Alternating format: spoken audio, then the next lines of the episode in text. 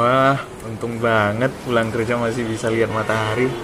Mana langitnya bagus lagi. Enaknya sore-sore gini ngapain ya? Oh iya, minum teh hangat sambil dengerin podcast.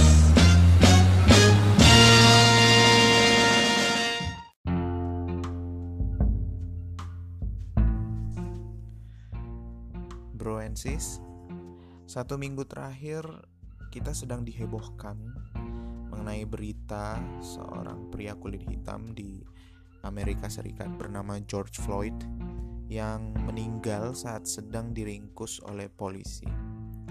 Kebetulan aku ngelihat videonya dan ah itu video dari cara mereka itu memang sangat mungkin menyebabkan kematian. Di video di video itu kelihatan dengan jelas loh bagaimana salah seorang polisi menekan leher George dengan lututnya padahal saat itu George sudah dalam keadaan terborgol dan telungkup di pinggir jalan. Bayangkan di dalam leher itu ada saluran pernafasan, ada pembuluh darah-pembuluh darah penting dan susunan saraf pusat yang menjadi pusat kehidupan sebenarnya agak aneh sih ya anehnya kenapa nih? Karena seharusnya para polisi itu sudah dibekali pelatihan bantuan hidup dasar. Ya apalagi di Amerika Serikat.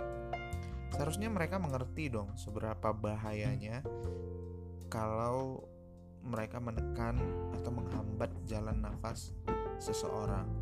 Atau seberapa bahayanya kalau mereka memberikan tekanan atau trauma pada daerah leher.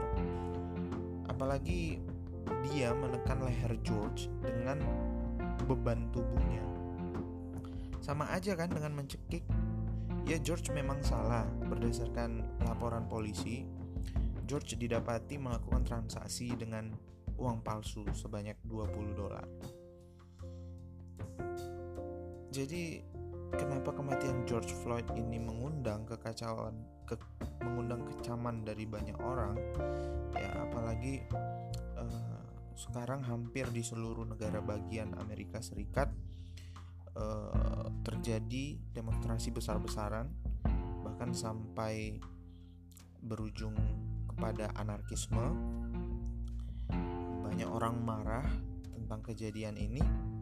Ya ini karena video kematian itu memang membuka mata banyak orang di mana ternyata kebrutalan polisi terhadap kaum kulit hitam ini sudah sangat sering. Berdasarkan kantor berita Al Jazeera mengutip data dari Mapping Police Violence ternyata orang kulit hitam itu dua setengah kali lebih mungkin mengalami uh, pembunuhan oleh polisi dibanding orang kulit putih itu secara keseluruhan. Per negara bagian bahkan ada yang empat kali. Di mana sejak tahun 2013 sampai 2019 polisi sudah membunuh setidaknya 7.666 orang. Oke ada yang bilang mungkin ya itu mungkin orang kulit hitam lebih sering melawan polisi. Ya tapi kalau kalau kita ngelihat video ini ya udah jelas ya apa yang polisi-polisi itu lakukan sangat berbahaya dan mematikan. Bagaimana dengan kasus-kasus lain yang tidak terdokumentasi yang tidak ada bukti visualnya? Dan laporan yang diterima hanya laporan dari polisi-polisi itu. Kita kan nggak tahu. Kemudian dengan kejadian-kejadian ini ya banyak orang mengaitkannya dengan isu rasisme. Ya apalagi kebetulan pelakunya itu kulit putih dan korbannya kulit hitam. Berbicara mengenai rasisme, apa sih sebenarnya rasisme? Kalau menurut Merriam-Webster, rasisme itu adalah suatu keyakinan bahwa ras adalah penentu utama sifat dan kapasitas manusia dan bahwa perbedaan ras menghasilkan keunggulan yang melekat pada ras tertentu. Ribet banget ya. Mungkin untuk mudahnya ya uh, ada orang yang menganggap rasnya lebih unggul daripada ras lain atau ada orang yang menganggap rasnya lebih berhak dibanding ras lain ya contoh yang sering kita pelajari ya, SMP atau SMA itu yang mengenai politik apartheid di Afrika Selatan yang awalnya itu di Afrika Selatan kemudian terjadi juga di Eropa dan di Amerika di mana ras kulit putih menganggap dirinya lebih unggul dibandingkan ras kulit berwarna, khususnya ras kulit hitam. Ya walaupun sudah berakhir sejak tahun 1991 yang ditandai dengan penghapus adanya penghapusan undang-undang yang berkaitan dengan politik apartheid ini. Dan kemudian eh, sekitar tahun 1994 Nelson Mandela terpilih sebagai presiden kulit hitam pertama di Afrika Selatan. Ya sampai sekarang ternyata masih terbawa. Walaupun sudah tidak semasif atau seterang-terangan dulu. Ya mungkin kayak merek handphone ada yang flagship ada yang versi lightnya juga. Tapi ya sebenarnya makin ke sini kita patut memberikan apresiasi ya. Karena e, banyak kalangan yang berusaha untuk mm, untuk menghapuskan rasisme ini sendiri. Di mana ya orang-orang sudah mulai berpikiran terbuka. Itu yang paling uh, kita ketahui adalah terpilihnya Presiden Obama. Jadi presiden uh, Afro-Amerika pertama di di Amerika Serikat. Kemudian ada dari ranah populer itu ada aktor Idris Elba yang jadi pria terseksi versi majalah People. Itu kalau nggak salah tahun 2018 uh, di mana Idris Elba ini merupakan kaum kulit hitam kulit hitam dan sebelumnya itu ada Denzel Washington juga pernah menjadi pria terseksi versi majalah People. Kemudian sudah mulai banyak film-film yang mulai mengangkat cerita mengenai orang-orang kulit hitam yang hebat seperti Hidden Figures. Kemudian ada film-film superhero yang menjadikan aktor kulit hitam sebagai uh, aktor utamanya dan memang sayangnya berita kematian George Floyd ini ya sangat mengecewakan kita dan seperti antitesis dari usaha-usaha yang kita lakukan selama ini. Nah, sekarang itu kan di Amerika Serikat. Bagaimana dengan di Indonesia? Ya jawabannya sama aja. Masih banyak praktek-praktek rasisme yang berkembang di masyarakat. Hanya saja mungkin uh, isunya tidak sesensitif di dunia barat karena dunia barat pernah mengalami uh, masalah rasisme yang sedemikian hebat ya pada polit pada saat pada masa politik apartheid itu. Um, di Indonesia sendiri masih sangat sering ya kita temui uh, Misalnya aja nih kasus ujaran rasisme terhadap mahasiswa Papua di Surabaya. Memang orang Papua, orang-orang timur itu sering banget mengalami uh, perilaku rasisme.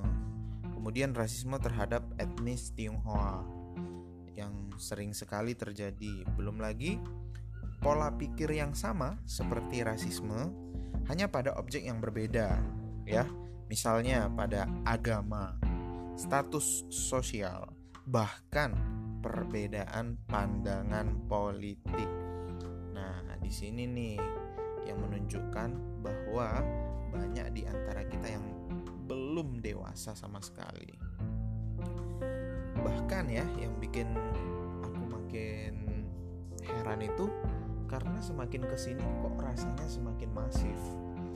Uh, masalah-masalah seperti ini dan orang-orang terkesan semakin mudah diadu domba dan semakin mudah dipanas-panasi.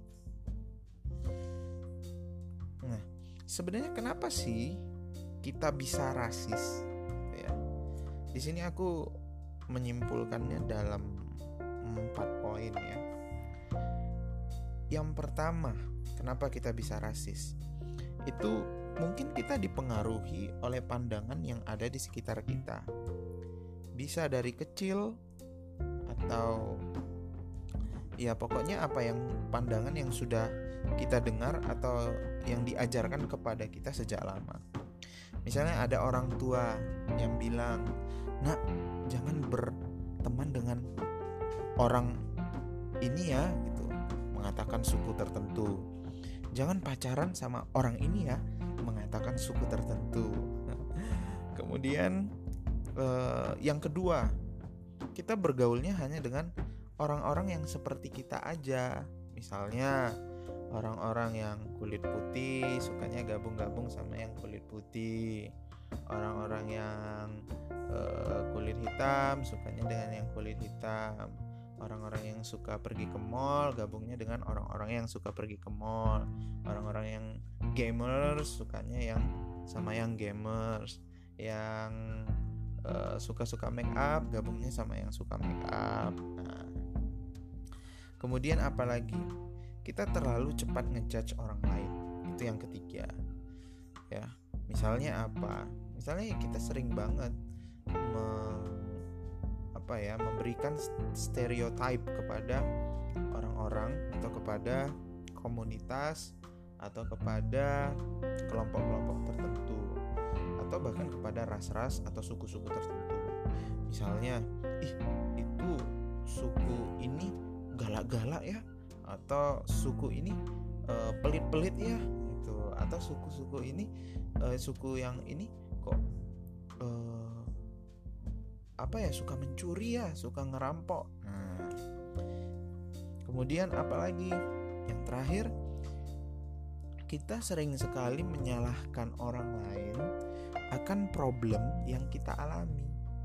Yang paling jelas itu ya mungkin tidak hanya secara pribadi ya, tapi kita juga secara komunitas, secara kelompok misalnya. Ya, yang paling santer terdengar belakangan ini misalnya uh, oh kelompok A itu sudah mengambil uh, sudah mengambil pekerjaan kita misalnya. Atau wah ada tenaga kerja asing datang kita nggak bisa kerja lagi. Mereka yang ambil um, lowongan kerja kita mereka yang ambil pekerjaan kita. Nah seperti itu. Padahal masalahnya justru di kita. Karena kita memang tidak kompeten. Kita tidak tidak seahli mereka. Sehingga ya di dalam pekerjaan pastikan mengutamakan efisiensi mengutamakan hasil yang baik. Ya tentu pilihan akan uh, jatuh pada orang-orang yang bekerja lebih baik. Seperti itu. Sebenarnya aku selalu bertanya-tanya ya, kenapa sih ada orang yang menganggap dirinya begitu hebat dan jauh di atas orang lain? Entah itu berdasarkan warna kulit, agama, status sosial. Gak bisa ya kita ngelihat orang lain sama seperti diri kita sendiri. Kita kan masih menginjak bumi yang sama dan di bawah langit yang sama juga. Kesempatan hidup mati kita juga sama 50-50. Tak ada tak ada gunanya kita membangga-banggakan hal-hal tadi. Jadi bagaimana supaya kita tidak rasis? Yaitu yang pertama tentunya ya kita harus berani menjadi pembawa perubahan kalau ada orang-orang yang mulai bilang eh kamu jangan temenan ya sama orang ini jangan temenan ya sama suku ini. Nah kita harus berani ngomong bahwa uh, tidak boleh kita harus berteman dengan semua orang ya. Kemudian kalau ada orang yang bilang eh suku ini itu galak-galak loh suku ini pelit-pelit suku ini suka mencuri. Nah kita juga harus ngomong ke mereka bahwa itu salah.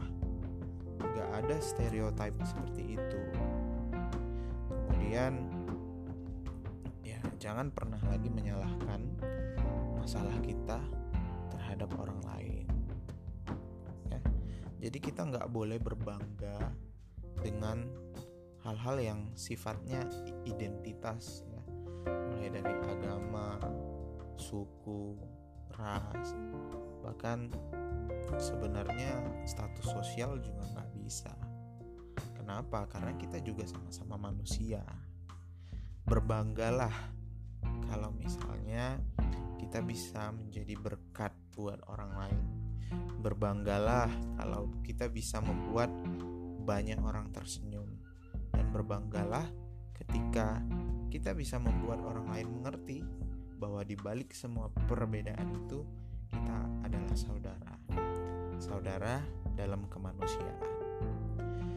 Ya, bro and sekian dulu podcast sore ini. Tetaplah sukacita karena sukacita adalah pilihan bukan berdasarkan keadaan jaga kesehatan, dan tetap ikut anjuran pemerintah. Aku Samuel Manalu, pamit undur diri.